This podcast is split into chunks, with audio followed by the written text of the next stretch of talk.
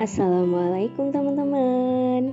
Hari ini kita bahas surah yang familiar banget ya Yang hampir kita baca setiap kali kita sholat. Apa itu? Al-Fatihah. Kita bahas surah Al-Fatihah ayat ke-6 ya Yang bunyinya Ihdinas syiratal mustaqim Yang artinya Tunjukilah kami jalan yang lurus. Kenapa di surah ini tuh tunjukilah kami jalan yang lurus.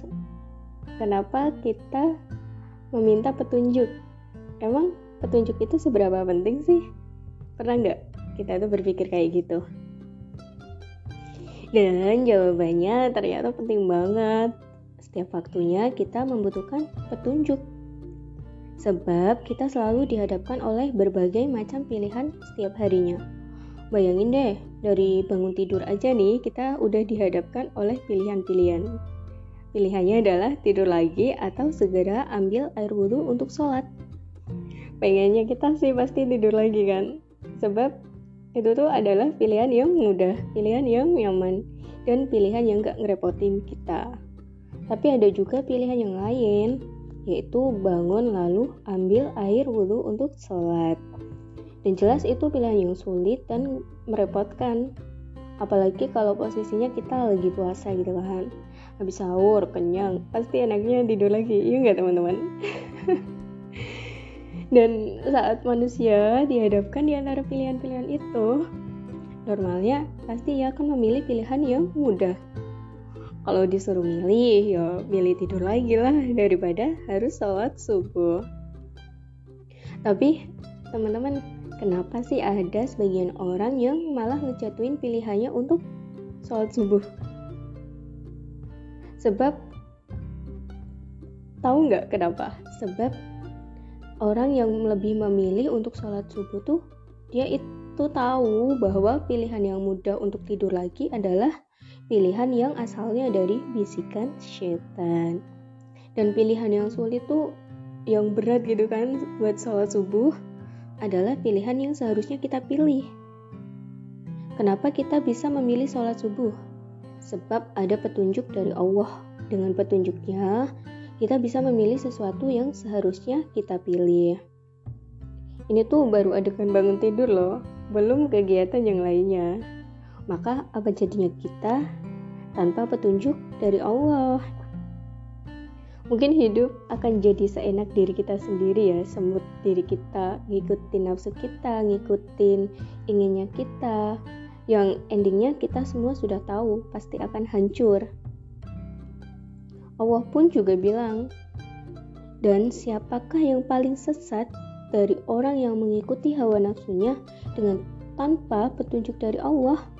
Sesungguhnya Allah tidak memberikan petunjuk kepada orang-orang yang zalim. Quran Surah Al-Qasas ayat 50. Jadi emang fatal banget kalau manusia tanpa petunjuk dari Allah. Uh, lalu menurutku ada yang aneh loh di surat ini tuh. Karena memakai ihdina atau mustaqim. Kenapa Allah mention kata jalan dengan kata syirat? Bukan syabil atau torik. Sirot itu adalah salah satu kata yang unik dalam bahasa Arab loh teman-teman dia tuh nggak mempunyai versi jamak seperti halnya sabil yang mempunyai versi jamak yaitu subul. Dan kata sirot juga memiliki makna satu-satunya jalan, satu-satunya tujuan. Maka untuk mendapatkan ridhonya, menuju surganya hanya ada satu jalan, taat kepadanya. Ayat ini tuh membuat diri kita selalu berpikir, coba bayangkan tunjukilah kami jalan yang lurus. Kenapa ayat ini membuat diri kita untuk berdoa, request untuk menunjuki sebuah jalan, bukan sebuah destinasi gitu atau tujuan akhir. Tunjuki kami arah menuju surga. Contohnya itu kan. Kenapa jalan, nggak langsung destinasi, nggak langsung sebuah tujuan. Dan ternyata tujuan hidup ini adalah sebuah jalan. Seolah Allah ingin melihat kita sudah jalan sampai mana. Bukan hasil, tapi proses perjalanan kita itu bagaimana. Allah ingin melihat proses kita, bukan hasil akhir kita. Allah nggak minta kita untuk sampai hingga garis finish kok. Allah hanya minta kita, apa pun yang terjadi, hidup atau mati, kita tetap di jalan ini, di jalan Allah yang lurus. Ihdinas atau mustaqim. Syirat. Jalan satu-satunya. Lalu lagi, Bayangkan jika tujuannya adalah destinasi, bukan jalan. Mungkin kita udah nyerah sebelum jalan. Pasti bilang gini, ya Allah kok jauh banget sih tujuannya. Lalu saat ada orang lain yang udah jalan duluan nih, dan dia posisinya di depan kita, pasti kita bakal bilang, ya aku telat deh, udah deh dia aja yang maju, kayaknya aku nggak bisa nyusul dia. Aku nyerah, kayaknya nggak bakal sanggup untuk sampai ke garis finish. Kita jadi cenderung ngebandingin diri dengan orang lain. Yang terkadang lagi perbandingan itu malah membuat diri kita jadi pesimis.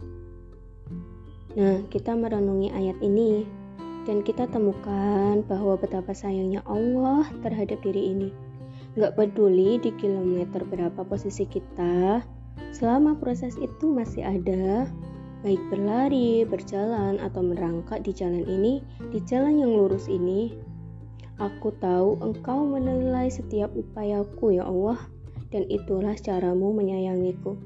Jadi buat teman-teman yang masih berproses gitu kan, semangat selalu ya karena Allah akan menilai setiap prosesnya. Udah ya, pembahasannya sampai segini aja. Wassalamualaikum warahmatullahi wabarakatuh.